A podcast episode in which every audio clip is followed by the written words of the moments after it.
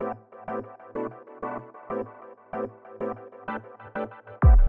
hører på bærekraftseventyr med Jørgensen og Pedersen. Bli med på eventyrlig jakt på bærekraftig business.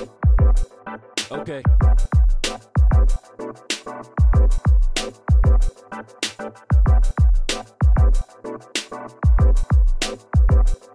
Denne episoden av Bærekraftseventyr Sveinung, det er en vaskeekte spesialepisode. Ikke bare det, det er en real godbit. Det er det virkelig.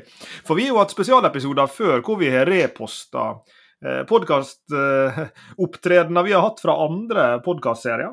Men i dag begynner vi med noe nytt, og det er at vi skal kryssposte litt.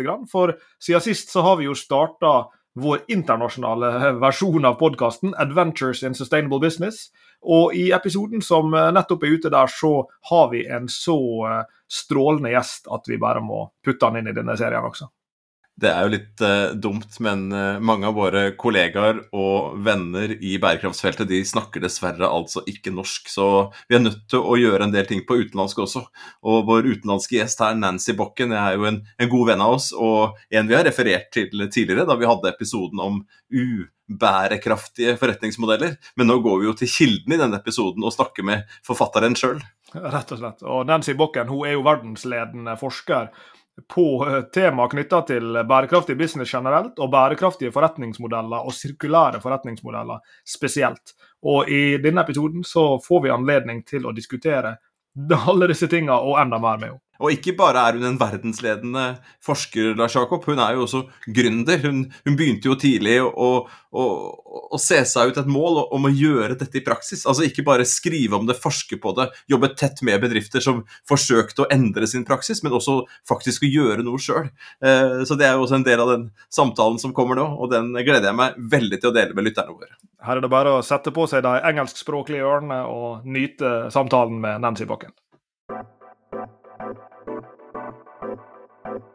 Nancy Bocken, who is professor in sustainable business at Maastricht University, also affiliated with uh, Cambridge Institute for Sustainability Leadership, the co founder of a company called Homie, uh, the project leader of the research project Circular X, and many other things. Welcome, Nancy. Thank you. We have to ask you, as uh, every podcaster asks their guests, where does this podcast find you? Ah, I'm actually in the Netherlands now, in Maastricht, where it's very foggy, so uh, I cannot see very far. So it's very good to concentrate on uh, on this podcast. So that's great. And many of our uh, listeners, Nancy, I'm sure, will be familiar with your work both on uh, sustainable business models and uh, and also on on circular business models. You've you've written many uh, central pieces in the literature on on those um, on those issues and those themes. but recently, we were um, we were happy to see your new paper with Samuel Short, which is in, uh, which is entitled unsustainable business models. So there's something in that title that indicates, you know, that this was this will tell us something about what the problem is. Why do we need this solution that is called sustainable business models, or for that matter, circular business models? So what is it about all these business models that are unsustainable? Yeah, um, so what we noticed actually, because I'm a very positive person by nature, so I thought when maybe naively I wrote a paper with uh, several co authors in 2014 on sustainable business models, I thought if you just give people the right examples of what are sustainable business models, they will go with it and they will start innovating. Uh, of course, we found out that is partially true, but it's also partially very untrue. Uh, so we basically looked into various sectors and we saw that a lot of uh, unsustainable business models are really overlooked business models. So that's why we call them institutionalized unsustainable business models. So we're part of it every day. So it's ingrained in how we behave, how businesses behave, how policy reacts to it. And we don't even try to prevent, to prevent it really. So this, this is how this idea on unsustainable business models really emerged. So basically, we saw it in many sectors. I don't know whether I can expand a little bit on it. Please do, please do. Please do. so in many sectors, we actually saw various unsustainable business models. So, um, for instance, in the energy sector, it's very much focused on burning fossil fuels. That is mainly the most obvious one. But we also see it in social media that tries to get you hooked and addicted, uh, leading to very, yeah, unsustainable behaviors, making people unhappier. I think Instagram is the platform on social media that makes people unhappiest. So even the people who launched some of these platforms are now backing out of them and saying maybe we shouldn't do these unsustainable business models focus on maybe addictive behavior to the platform or uh, creating um, an image that is too perfect to really be true. So this is more the social media part, energy sector, but also things that we wear every day, like clothing. Like we see that clothing production has doubled over the years, whereas clothing utilization has almost halved uh, over the same time. So we see that we maybe buy more and more, and yeah, that's maybe not very good if we don't wear all those clothes. And I was also triggered by this through a podcast in the Netherlands, actually, actually uh, organized by a Dutch news radio focused on business. And I was also challenged actually on seemingly sustainable business models. So we might know secondhand platforms such as Vinted or maybe other uh, secondhand uh, clothing platforms that are supposed uh, supposed to be very sustainable.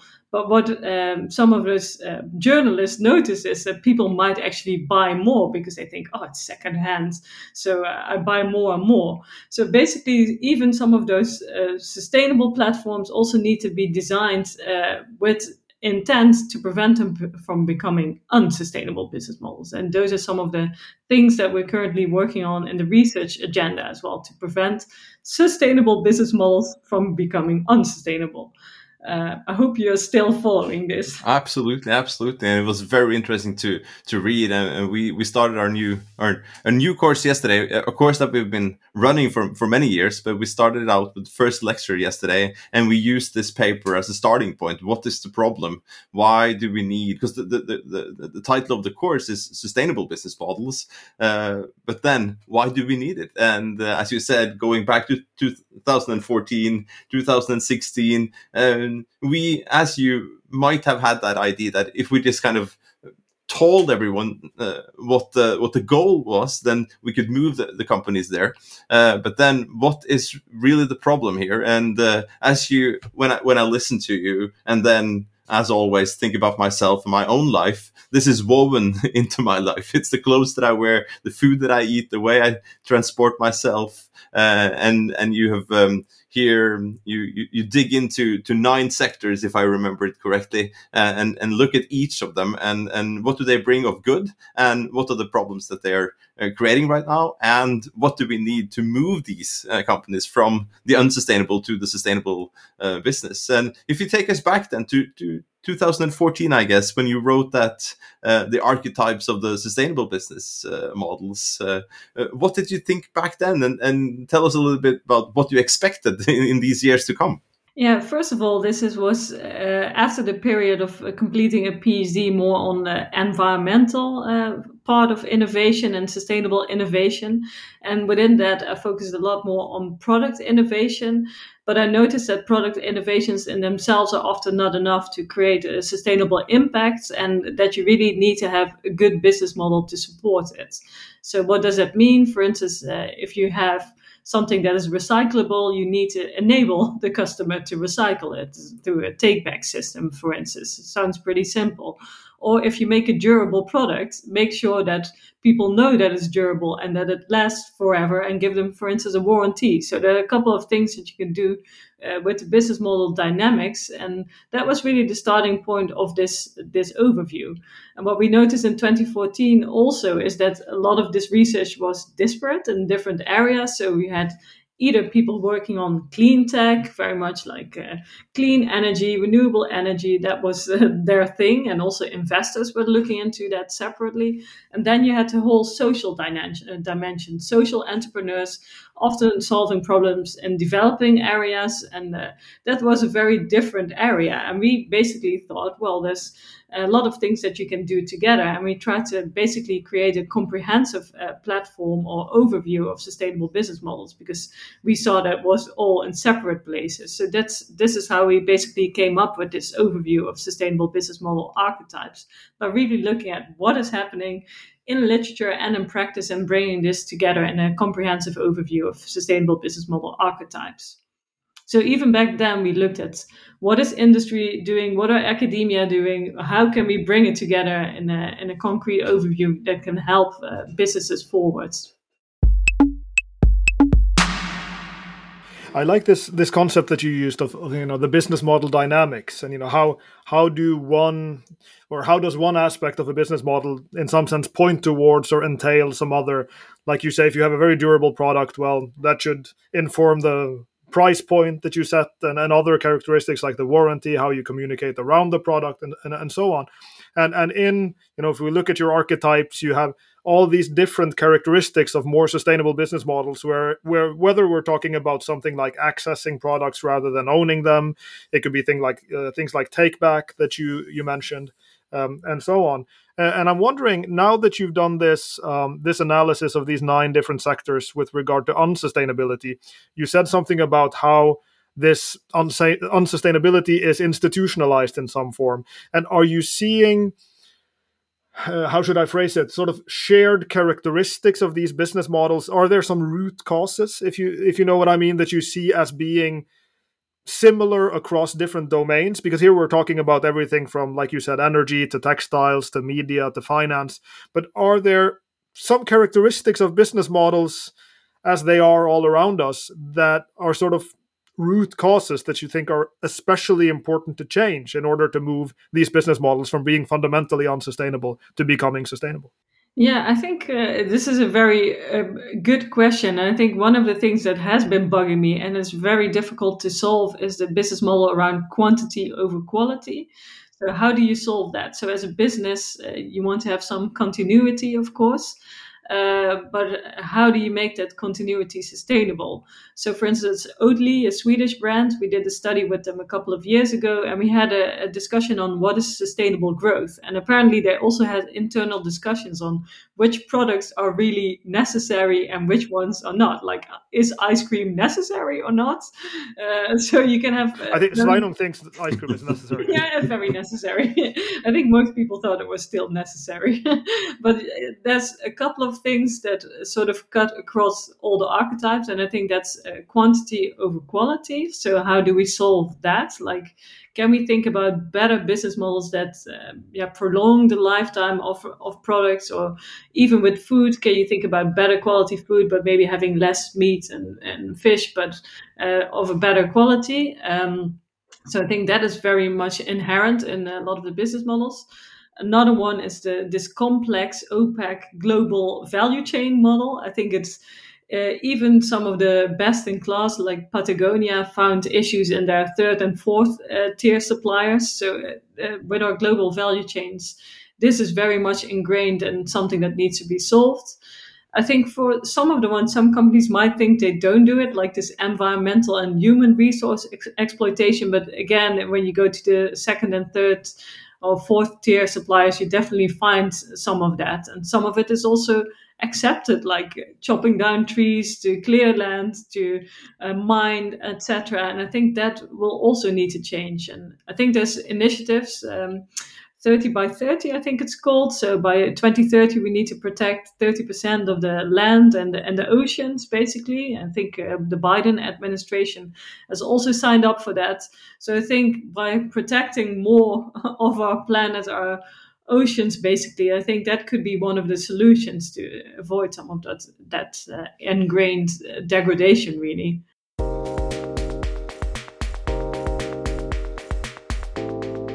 Nancy, uh, when we look at your work over all of these years, uh, not that many years, but uh, but all of your work in these uh, rather few years, because you've been very productive.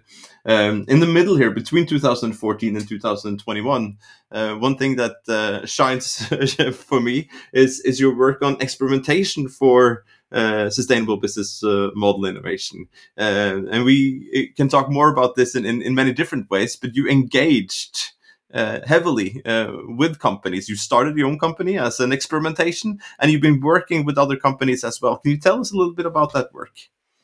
Yeah, I think it was also born out of uh, sort of a frustration with myself that I enjoy writing papers and I, I like like it and I like doing research, but I also thought, how can I put this research into practice, or at least try and um, encourage or inspire others to also do it? Um, and when I was at TU Delft, I think I was quite in an experimental space, I would say, like uh, designers uh, who already have um, a very experimental way of doing research, I guess.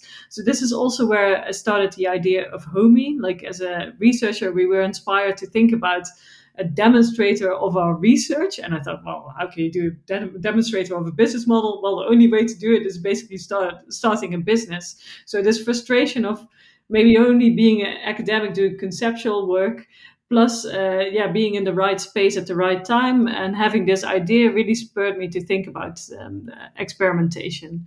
And also in a project before in the uk it was with a large um, international retailer clothing and food.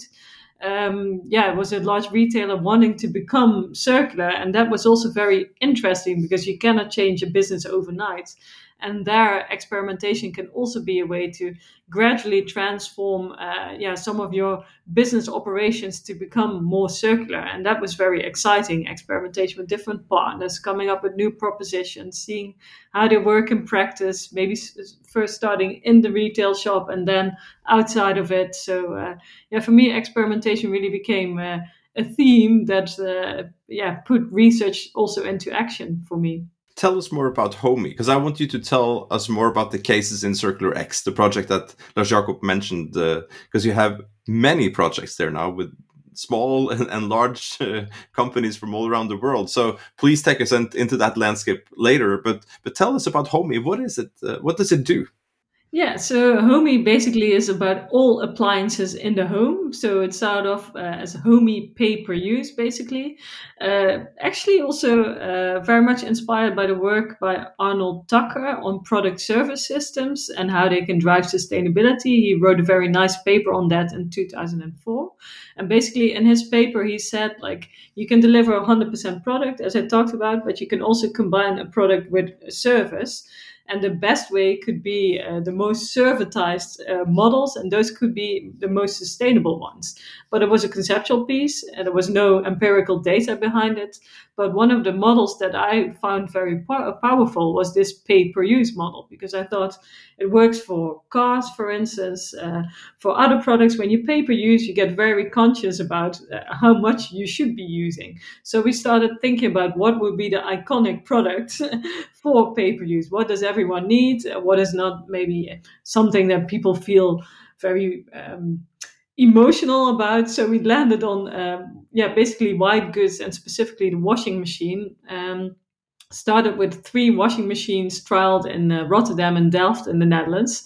And so, like, do, does it even work, the technology? So, we had an Arduino that was programmed uh, to track basically how the washing programs were used. So, basically, we had a clever engineer, a friend of a friend, basically, who managed to uh, code this, uh, this thing because I'm not such a technical person that I can do that. Uh, but I did pick up the washing machines at the TU Delft uh, downstairs to have them um, basically hacked. And this, this is how we started basically with a website also built by a, by a friend again who sort of built a database. So it was very much, uh, yeah, um, experimental basically the technology the process uh, the people involved a bit of uh, lean startup but also maybe effectuation by uh, Sarasvathy uh, working with resources and people you have and you know and building that up into uh, into a real business. We will share uh, share the link here in in the in the notes to the to the to the podcast episode but i see homiepayperuse.com uh, does this mean that uh, can I can I order the, the these services in, in, in Norway or where do Not I have to yet. live live by now? Uh, not yet, but we. I think uh, the Nordic uh, countries are very suitable for it because there's also, for instance, in Sweden where I lived before, you also have a lot of shared spaces and apartments and shared washing machines. So I think that would be the future. And in the Netherlands, we now also have some apartment blocks where we uh, where we basically have shared uh, washing machines already, because that would be the future, right? Yeah what I think is interesting about uh, about the Homie project and the paper that you've written also, where where Homie is a case, and you show some of the the early empirical insights from from from those uh, experiments, and in some sense, those are you could say behavioral experiments in this you know there's a business model on one side but it's a business model that facilitates a particular kind of behavior on the part of, of consumers who are, are going to do their their laundry in this uh, in this regard. And I, I think it's it's such a nice illustration of of you know how the, the interplay between the business model on the one hand and the behavior that it that it uh, tries to to facilitate on on the other hand. Um, and I was thinking about you. You have a lot of experience, uh, of course, from from working with with companies in different ways. Uh, and this is one example where you you you have a company of your own. Uh, to what degree do you see, you know, the, the large players that uh, that you are working with? are they in some sense inspired by these smaller uh, you know experiments like this and adopting it uh, imitating it in their own business models. Uh, i'm thinking about uh, stefan schaltegger's paper on you know upscaling versus upgrading where you have this idea of of the bigger players you know imitating uh, you know innovative startups who are doing things in, in different ways. You know how do you see the spread of these experiments into the larger you know uh, industrial scale players yeah, good question. Um, yeah, first of all, um, it was really nice to be able to apply some of this academic thinking, like nudging, like uh, Thaler and Sunstein, basically looking at some simple interventions that you can do to create a more sustainable proposition. Like we have differential pricing uh, to stimulate sustainable behavior, like the 30 degree wash is cheaper than the 90 degree wash. Uh, for me, that sounded super simple, a simple experiment, simple idea, but in practice, it really worked. So it drove the right sustainable behaviors. Uh, companies find that really attractive. So we've spoken with clothing retailers, even I think all major um, yeah laundry equipment manufacturers.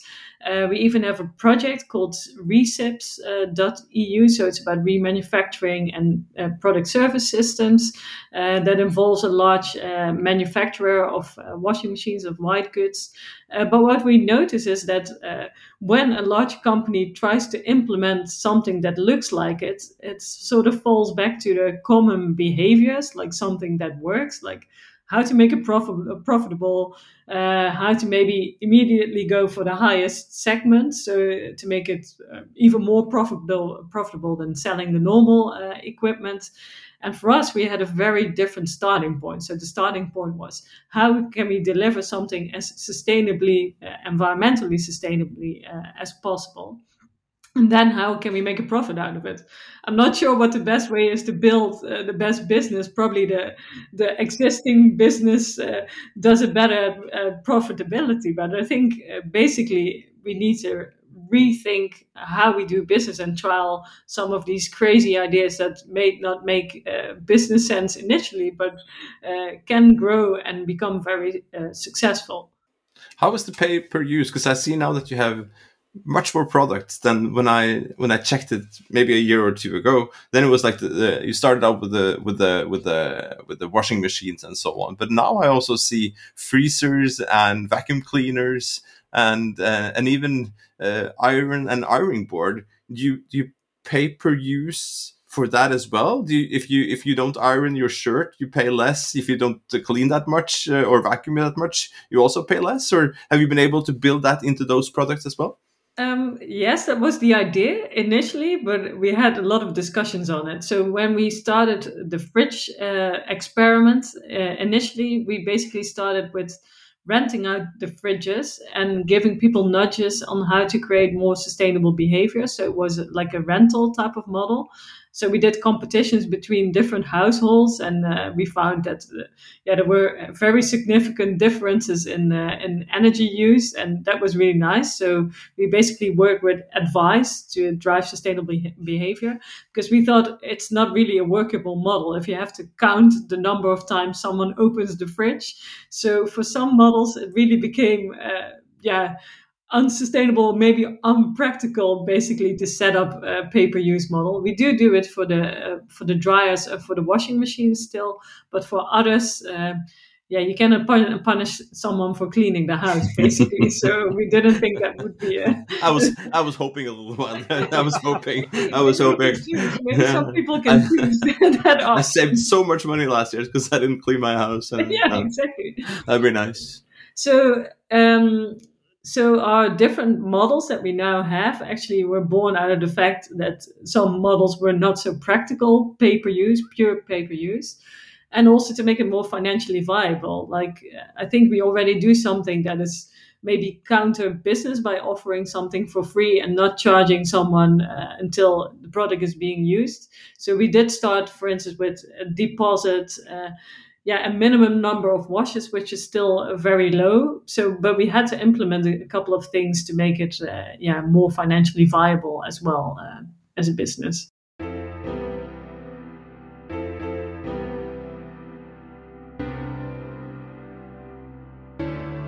this relates to an interesting question you know going back to the starting point with these unsustainable business models in all of these different sectors in your experience now having worked uh, both from a research standpoint and, and in other in other roles with with companies from many different industries and having analyzed all of these these uh, different sectors of, of the economy you know you're like you're saying now there there are some some types of behaviors sometimes some types of consumption that are perhaps easier to see how we can make them more sustainable. You know, it could be moving from uh, fossil uh, driven vehicles to electrical vehicles. It could be you know uh, going from from cleaning our clothes on you know high degree to low degree or you know whatever it might be.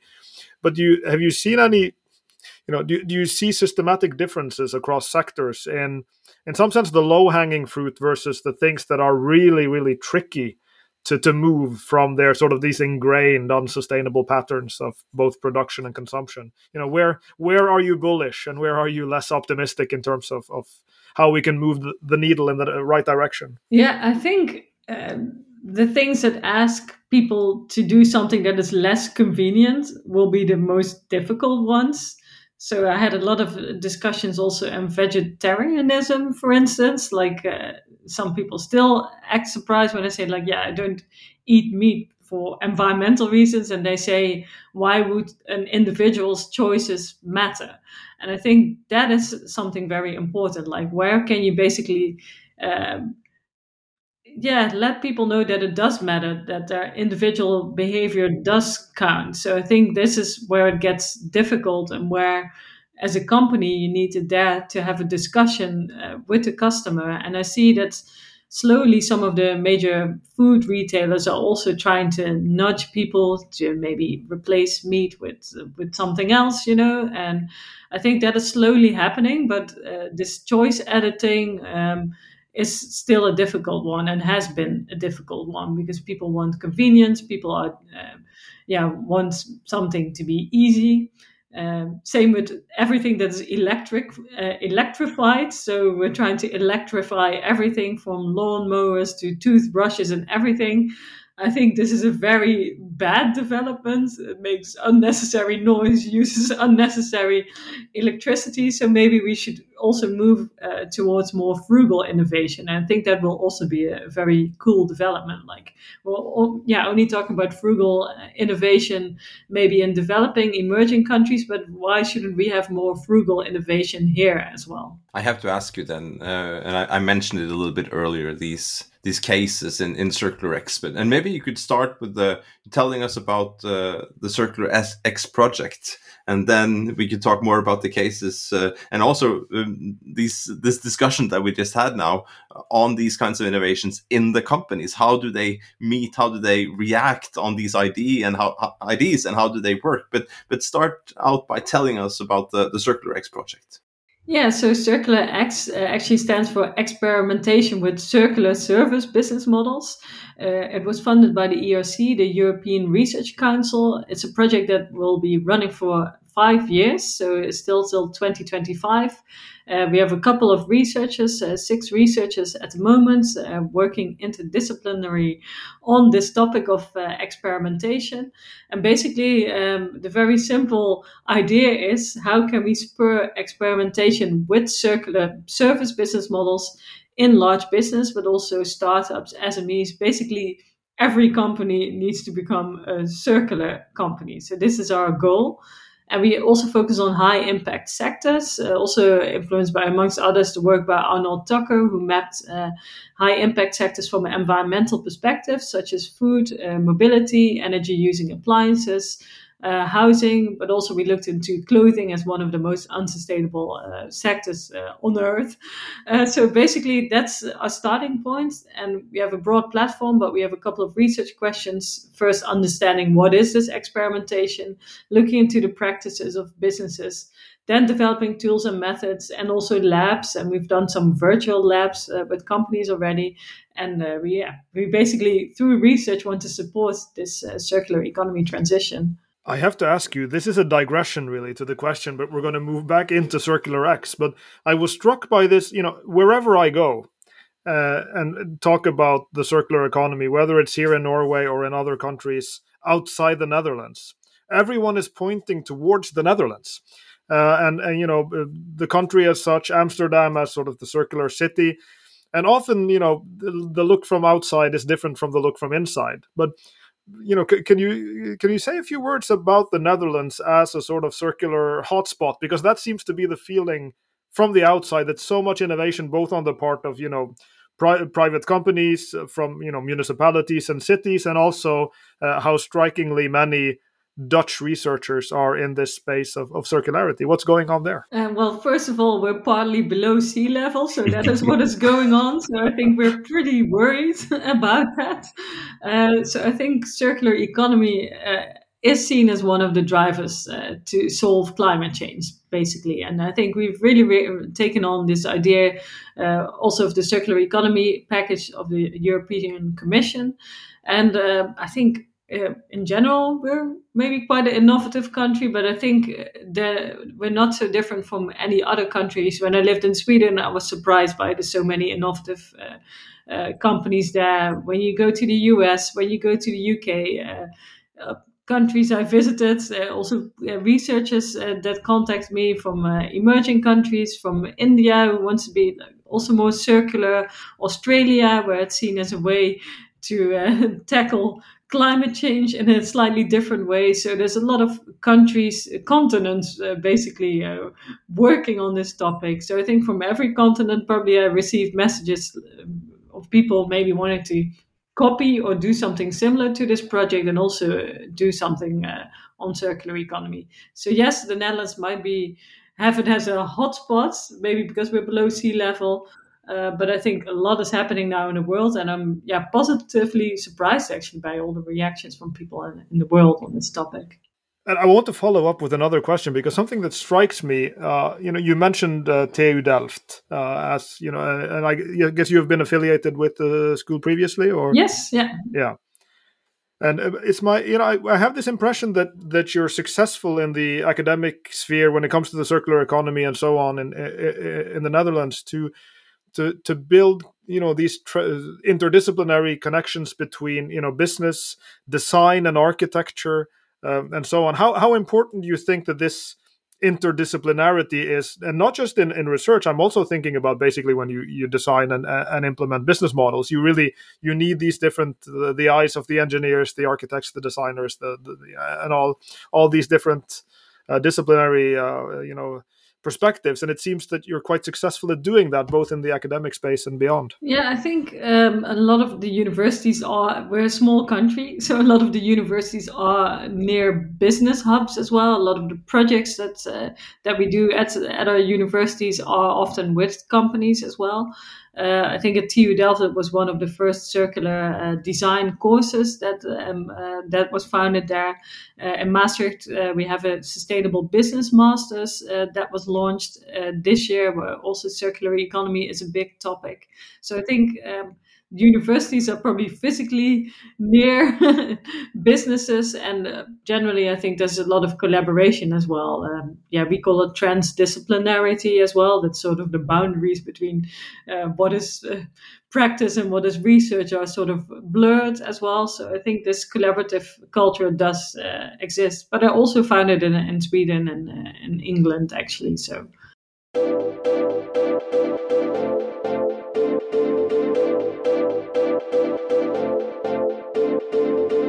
I, I, want to take us back to those cases, and here we have the the chance to talk about both the kind of the global initiatives and companies and the and the the ones from Netherlands. So you could talk about both and and tell us about some of these examples and how you work with them.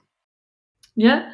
Um, so maybe in the Netherlands, yeah, we worked with uh, with Swapfiets, for example. So they already have a yeah bicycle subscription model, and they basically wanted to be even more circular than they are, and exploring different types of experimentations with their business models. So we did some virtual and face to face workshops with them, and also a recent survey.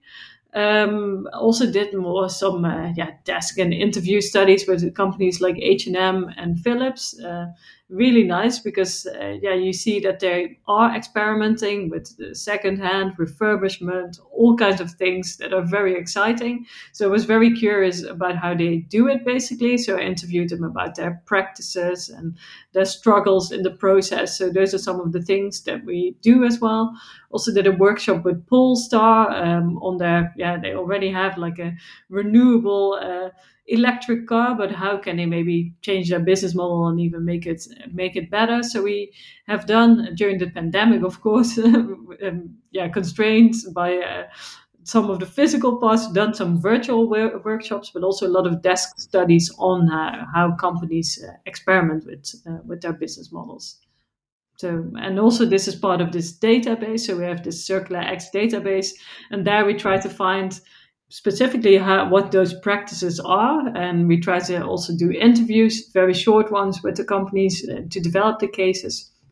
And those also find what the environmental impact improvement is. That's not always uh, easy to find because that is sort of still a blind spot. But for some of the cases, we did find, uh, yeah, what the environmental impact improvement also is of that experimentation because this is some of, yeah, one of the research gaps, but also one of the practice gaps, I guess it, I will want to encourage all our listeners to to check out the circularx.eu website, and and it, it's such a rich, uh, you know, uh, a, a, a, rich database, if you will, of, of, cases and examples and insights, and, and it's really inspiring to see. And I'm I'm intrigued, Nancy, when you say this this uh, project is running until 2025. I think you you said.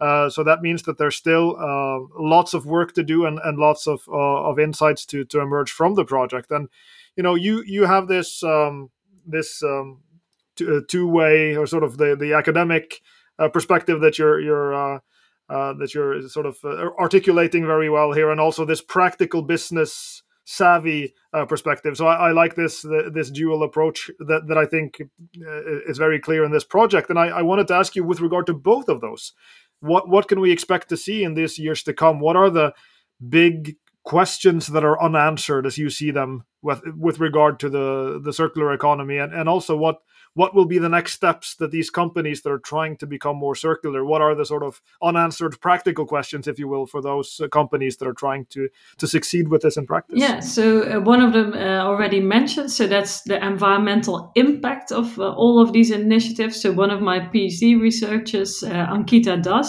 she did a review on to what extent companies basically review and uh, the, and assess the impact of uh, of some of their initiatives.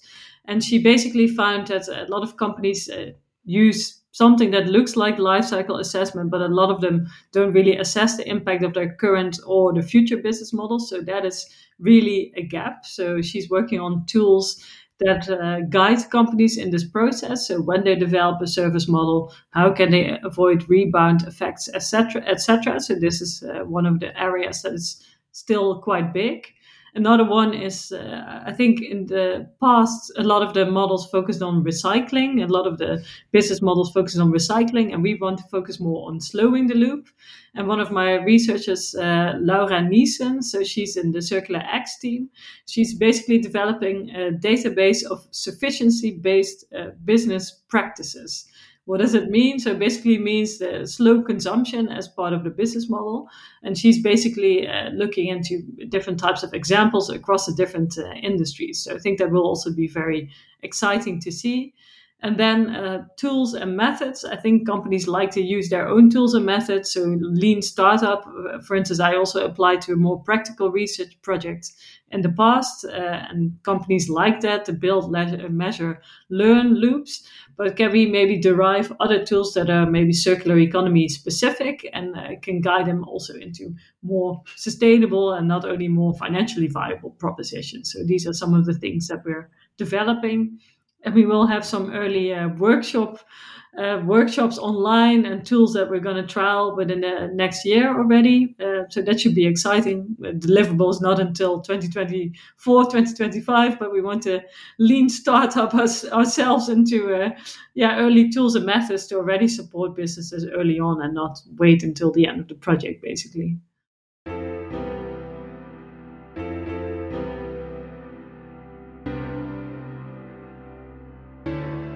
I want to once again take us back to, to the starting point here. We, as you understand, Nancy, we were very inspired by your, your paper on unsustainable business models. And there's one figure uh, in the paper, uh, to be very specific, it's figure one uh, on uh, on page 11 for those who might have the PDF in front of them. Uh, it's uh, it's a sort of um, it looks a little bit like an onion, circles inside circles, and it's the the figure is, is essentially an illustration of the the hierarchy is what you write of of the sustainable business model archetypes. And you could read it i guess as a form of you know levels of ambition if you will and sustainable business modeling. And what i really am so encouraged by is that you know the things that we used to think of as being super ambitious goals becoming net zero for instance is quite far down in that hierarchy. And if we look up in the hierarchy, we see uh, things like the you, you, mentioned the sufficiency economy, making making do with less, living smarter lifestyles, frugal innovation. You used as a concept earlier as well. Uh, you also mentioned, I believe, earlier the the regenerative economy, or one of us mentioned it. I don't remember who of us uh, said it. And and at the top, you have this flourishing economy is the field moving as quickly uh, and i mean out in the out in the real world? Uh, should managers sleep uh, sleep shorter nights and get up earlier because the the speed of innovation towards these more ambitious types of sustainability innovation like the regenerative business models efficiency based business models and so on are, are they coming quickly? Mm. Yeah, I think I really like it that you read the paper in so much detail. And uh, for me, it was also encouraging to see that uh, efficiencies and what I call narrowing the loop and using less uh, materials per product that is becoming more evident because it saves costs uh, while it saves resources at the same time. Net zero, I think, is now on everyone's uh, business agenda uh, circular economy is also becoming the bread and butter of businesses. But then the more difficult ones come, as you uh, observed as well, like the sufficiency economy, making do with less, uh, being net positive and regenerative, and finally having a totally different view on what the economy is. And this idea of flourishing, also from John Ehrenfeld, but also Kate Raworth, uh, with donut economics, is really, really thinking about rethinking what this future economy should look like. When I have conversations about this, people say even we shouldn't talk about economy anymore because the economy is nothing without the planet and society. It's some uh, artifact or something that we invented ourselves. Um, so I think what we want to show with this figure is that there's a transition that is necessary. And I think at all levels, there are businesses that are already think like that, but it's not yet the majority. so uh, some banks, finance uh, people in the finance sector are thinking about flourishing. Some people are thinking about uh, uh yeah doing less uh, sufficiency economy. I saw people doing experiments with shorter work weeks, uh, basic universal income, this Finnish experiment. So when you said should people sleep less, I think they should sleep more and maybe work less. so that could be part more of the sufficiency economy because income is very much correlated to environmental impact. So maybe we should all do a little less. Could be also a nice way to conclude. is that how you live your brand, Nancy? You you you sleep more and work less. We've talked through now the last six or seven years with all the all the papers and the, and the, and the, and the and the company you started and also the the, the project that you're running. Uh, and I'm happy to see that you're building teams. I see that on Circular X, you're, you're team now, and I know that you work a lot with, with other researchers as well. Uh, but but if you sleep a lot, I'm I'm quite curious on on how uh, effective you are when you're awake. I'm a bad example of my own own figure, basically. No, but I think we need to rethink what what this economy or what our future society looks like. I think Ehrenfeld, Kate Raworth, many other thinkers have thought about this. And should we even have an economy? If it is an economy, uh, it shouldn't probably optimize economic uh, impact, but more um, the benefits or the health of society and the natural environment. Uh, there's plenty of evidence that also says that if we have a healthy environment, a green environment, people are also happier. So I think all of these are interlinked, and there's plenty of evidence, but.